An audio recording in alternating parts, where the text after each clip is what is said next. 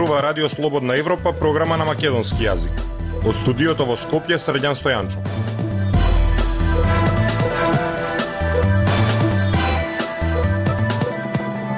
Ја слушате емисијата на Радио Слободна Европа, почитувани. Во неа објавуваме 35 часовен полициски час во Киев додека руските сили се приближуваат и ги засилуваат нападите. Руската инвазија врз Украина предизвик за отворен Балкан. Во владата велат дека иницијативата не е загрозена. Туристичкиот сектор повторно на удар. Прво од пандемијата, сега од војната во Украина. Слушајте не. Независни вести и анализи за иднината на Македонија. На Радио Слободна Европа и слободнаевропа.мк. Во Киев се воведува полициски час кој ќе трае 35 часа додека руските сили се приближуваат и ги засилуваат нападите врз главниот град на Украина. Градоначалникот Виталий Кличко рече дека Киев се соочува со тежок и опасен момент. Во меѓувреме продолжуваат руските напади и врз други украински градови. Руските сили ги засилија нападите врз предградијата на Киев и ги обновија напорите за заземање на важниот пристаништен град Мариупол. Серија руски напади беа извршени врз стамбена област во Киев, предизвикувајќи пожар во една стамбена зграда во западен Киев. Најмалку двајца луѓе загинале, а 27 биле спасени од зградата, соопшти Украинската служба за итни случаи. Украинската војска соопшти дека артилериски оган ја погодил стамбената област во непосредна близина на предградието Ирпин, во која биле забележани некои од најжестоките битки во војната. Воздушни напади во текот на ноќта и рано наутро биле извршени и врз Хостомел и Буча, изјави шефот на Киевскиот регион Олексеј Кулеба. Градоначалникот на Киев Витали Кличко соопшти дека се воведува 35 часовен полициски час и предупреди дека главниот град се соочува со тежок и опасен момент, додека руските сили се приближуваат и ги засилуваат нападите. Руските сили исто така извршија нови артилериски напади врз источниот град Харкив, соопшти генералштабот на вооружените сили на Украина. Во гранатирање била уништена пистата и оштетен терминалот на аеродромот во градот Днипро во источна Украина, информира гувернерот на регионот Валентин Резниченко. Еден човек во градот Тростјанец во регионот Суми рече дека ќе мора да го погребе својот татко во дворот на куќата зашто не можел да ангажира погребален сервис ниту пак да го погреба на гробиштата. Володимир Торјанјук рече дека руските сили ги уништиле сите погребни возила на еден сервис, а другите се плашат да пружаат услуги. Дополнително руските сили поставиле контролен пункт на гробиштата и пукале кон Торјанјук и другите кога се обиделе сами да ископаат гроб. Напната е ситуацијата и во Мелитопол. Руските сили минатата недела го киднапираа градоначалникот Иван Федоров, а граѓаните протестираа за негово итно ослободување. Украина се соочува и со нови проблеми во обидите да достави хуманитарна помош во пристанишниот град Мариупол, кој е мета на жестоки руски напади. Вице-премиерката Ирина Верешчук рече дека конвојот со помош е заглавен во блискиот Бердјанск и ја обвини Русија дека лаже дека ги исполнува договорите за помош на заробените цивили. Градот со околу 400.000 жители со денови е под обсада и е одсечен од остатокот од земјата. Локалните власти проценуваат дека досега се убиени повеќе од 2300 цивили. Околу 2000 цивилни автомобили го напуштија градот по одредената хуманитарна рута за евакуација. Предходно градот го напуштија 160 возила, но не беше соопштено колку луѓе излегле со тие возила. Верешчук рече дека конвоите со приватни возила не се доволни за евакуација на жителите и побара да бидат пуштени автобуси. Слободна Европа. Следете на на Facebook, Twitter и YouTube. Руската инвазија во Украина е предизвик за иницијативата Отворен Балкан. Средбата на лидерите која требаше да се одржи деновиве е презакажана за мај. Прашањето за одржливоста на иницијативата се наметнува во време кога Русија ги стави на црна листа Македонија и Албанија, но не и Србија, единствената што не воведе санкции против Руската Федерација. Прилог на Пелагија Стојанчова. Регионалната иницијатива Отворен Балкан не е загрозена на ниту еден начин од инвазијата на Украина, велат од македонската влада за Радио Слободна Европа. Прашањето за одржливоста на иницијативата се наметнува во услови во кои Русија ги стави на црна листа Северна Македонија и Албанија, а од друга страна Србија не се приклучи кон санкциите против Руската Федерација. Националниот координатор за Отворен Балкан во македонската влада, Маријан Забрчанец, во писмен одговор за РСЕ, вели дека сите членки во иницијативата се убедени дека таа е одржлива.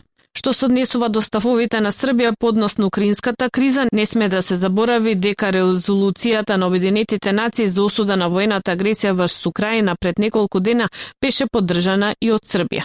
Економскиот аналитичар Арбен Халили вели дека војната во Украина го става на тест отворен Балкан, особено со тоа што Србија не се приклучи кон санкциите за Русија. Реално токму поради криза што се случува. А, таму и санкциите од Европска унија кон Русија и вајс верс.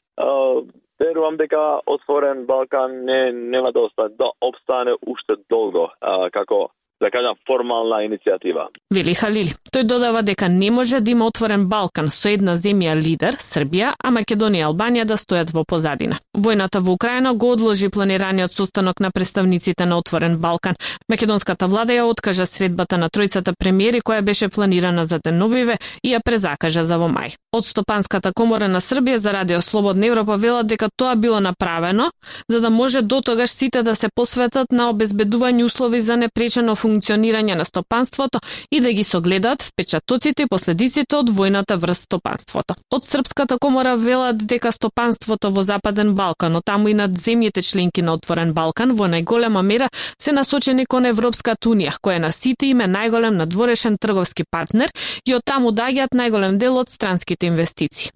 На прашањето дали постои опасност токи од Русија преку Србија за која Кремљ нема воведено санкции да дојдат на македонскиот или албанскиот пазар, од комората вела дека олеснувањето во рамки на отворен Балкан се однесува само на стока со потекло од овие три земји. Откако почна војната во Украина, српскиот преседател Александар Вучич во јавноста не посветува многу внимание на отворен Балкан. Тој го спомена во интервју за телевизија Пинг на 12 март, кога рече дека Србија е определена за отворен Балкан и дека соседите ќе ги снабдува со брашно и со друга стока. За време на неодамнешната посета на Соединетите држави, представници од трите земји имаа средба со високиот американски функционер Габриел Ескобар. Тие особено се заинтересирани да го подржат овој поинаков Западен Балкан кој не е базиран на 90-тите, туку на денешната реалност во нашиот регион. А реалноста значи регионална соработка и остранување на сите пречки за слободно движење на луѓе, стоки, производи и услуги, велат од македонска македонската влада. Радио Слободна Европа, светот на Македонија. По кризата предизвикана од пандемијата на коронавирус, туристичките работници стравуваат дека и оваа година би можела да биде тешка и неизвестна поради руско-украинскиот конфликт. Иако бројот на украински и руски туристи во земјава не беше голем, очекувањата се дека бројот на гости дополнително ќе се намали, пред се поради стравот и неизвестноста која ги носи војна во Европа. Хотелиерите предупредуваат дека годинава може да биде полоша и од лани. Марија Тумановска Уште не излезени од пандемијата со COVID-19, туристичкиот сектор е повторно на удар. Војната во Украина ќе се одрази на бројот на украински и руски туристи, иако нивниот број не беше значителен, велат вработените во туристичкиот сектор. Оттаму очекуваат бројот на гости дополнително да се намали пред се поради неизвестноста која ја носи кризата и стравот на луѓето од проширување и продолжување на руско-украинскиот конфликт. Годинава ќе биде многу полоша и од минатата година во однос на сето ова, ако војната продолжи. Со продолжувањето на војната се отежнува секако вид на собраќај, се зголемува енергијата секојдневно, артиклите за прехрана се зголемуваат секојдневно. Вели Крсте Блажевски, председател на Асоциацијата на хотелиери во Македонија. Ова ќе биде тешка и специфична година за овој сектор, вели директорот на Агенцијата за поддршка и промоција на туризмот Лјупчо Јаневски. Ако ги погледнеме резултатите, туристите од Украина и туристите од Руската Федерација, со воспоставување на линиите од Украина во декември 2022 и, и со Руската Федерација некаде во мај месец 2021 година, има скок на туристите и бројот на ночевања, гледано дури и со 2019 година, на референтната година во туристичкиот сектор кај нас. Но што моментално се состојува веќе 2022 година е завршена за тие пазари, без разлика какви биде состојбата и мислам дека следат уште неколку години на стабилизирање на тие дестинации. Само 3,5% од вкупниот број на туристи кои лани ја посетиле земјава биле од Украина и Русија, но пораката и сигналот дека тие пазари ја препознаваат Македонија како дестинација за одмор многу значеше, вели Јаневски. Во однос на туристи од другите земји не се очекуваат поголеми последици, велат од агенцијата. Сенам дека 2022 година ќе имаме малце повеќе туристи од Турската, од Турција, и од Полска и Холандија, и дека тие аранжмани кои што се најавени ќе се остварат, па се надевам дека ќе имаме повторно позитивен резултат. Според податоците на Државниот завод за статистика во декември лани, Македонија ја посетиле 77 украински туристи и тие оствариле 164 ноќевања. Од Русија имало 309 гости кои реализирале 589 ноќевања. Најбројни се турските туристи, како и посетителите од соседството. Култура и уметност. На Радио Слободна Европа. Во конкуренција од 39 книги, Денот на црвото од Симона Јовановска, издание на Или Или од Скопје е добитник на наградата Роман на годината за 2021 што ја доделува фондацијата Славко Јанески. За делото ќе биде забележано дека изобилува со свежи компарации, никаде не сретнати досега, ненаметлива духовитост и одмерена доза сарказам. Повеќе од Лјупчо Јолевски.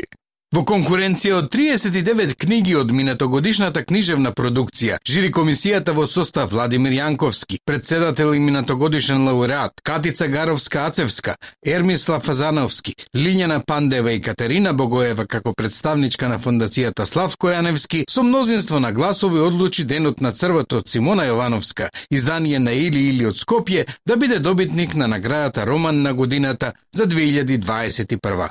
Во најтесниот избор по трите изборни круга биле и Деса од Ивана Трајановска, Ноќите кога заспивавме во Помпеја од Давор Стојановски и Ден за одмазда од Ивица Челикојч. Говорејќи за ваквиот избор, истакнува дека романот Денот на црвот представува успешно книжевно остварување во која авторката на умешен начин комбинира различни приказни, екзистенцијални ситуации и човечки судбини. Композицијски книгата може да се чита како еден вид книжевна симфонија, во која голем број елементи диалогизираат едни со други, на моменти се оддалечуваат и се доближуваат, за повторно да се спојат и обединат во една смисловна целина. Романот е богат на ниво на стил, на ниво на книжевна поставка, тон на раскажување, а хуморот, иронијата, субтилната пародија се само некои од стратегиите што авторката ги користи за да го збогати читателското искуство и да ги нијансира значењата на текстот. Појаснува Јовановски. Некородена 1985 година во Гостилар. Симона Јовановска најнапред завршила средно економско училиште во родниот град, а потоа и економски факултет на Универзитетот Свети Кирил и Методи. Во 2015 година ја објавува дебитанската книга Раскази ги најдов во Тлабоко во издание на Или Или. Четири години подоцна со расказот Последниот кат ќе биде второ пласирана на конкурсот на дневниот вестник Нова Македонија,